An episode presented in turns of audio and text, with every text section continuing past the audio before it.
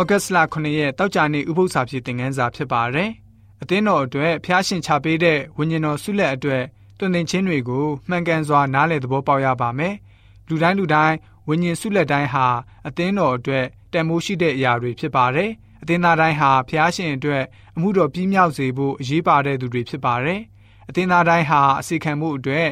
ဝိညာဉ်ဆုလက်တွေပဲဖြစ်ပါတယ်။ဝိညာဉ်တော်စာပေဖြစ်တဲ့ Egypt White Testimonies for the Church အတွဲနဲ့စာမျက်နှာ280နှစ်မှာဆိုလို့ရှိရင်ဘယ်လိုမျိုးဖော်ပြထားလဲဆိုတော့လူတိုင်းဟာသခင်အတွက်အမှုတော်ဆောင်ရွက်ဖို့တာဝန်ပေးရခြင်းခံကြရပါတယ်။အစီကံတဦးစီတိုင်းကိုစွမ်းရည်တစ်မျိုးစီဆုလက်တစ်မျိုးစီကိုခြာပေးပါတယ်။တဦးကိုအခွက်90အခြားတဦးကိုအခွက်20အခြားတစ်ယောက်ကိုတော့အခွက်30အသီးသီးပေးထားပါတယ်။လူတိုင်းကိုမြောက်များစွာသောလှုပ်ဆောင်နိုင်စွမ်းတွေကိုလည်းပေးထားပါတယ်။ အစီကံတိုင်းဟာ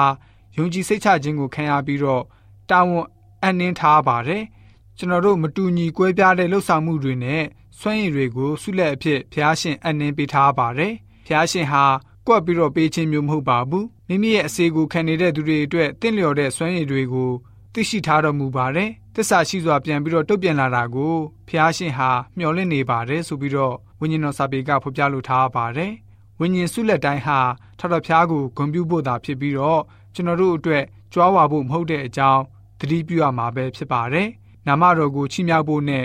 အမှုတော်ရှေ့ဆက်လန်းနိုင်မှုအတွက်ဖြစ်ပါတယ်ဆိုပြီးတော့တောက်ကြနေဥပု္ပ္ပစာဖြေသင်ခန်းစာကဖော်ပြထားပါတယ်။ဥပု္ပ္ပစာဖြေသင်ခန်းစာ6ကတော့ဒီလောက်ပဲဖြစ်ပါတယ်။ဥပု္ပ္ပစာဖြေအစီအစဉ်တစ်ဆက်သူကျွန်တော်ဆဆောက်ပါ။ကျမ်းနာတော်သူရောက်စီတိုင်းဝิญဉ်ခွန်အားနဲ့ပြေဝကြပါစေ။ကျေးဇူးတင်ပါတယ်။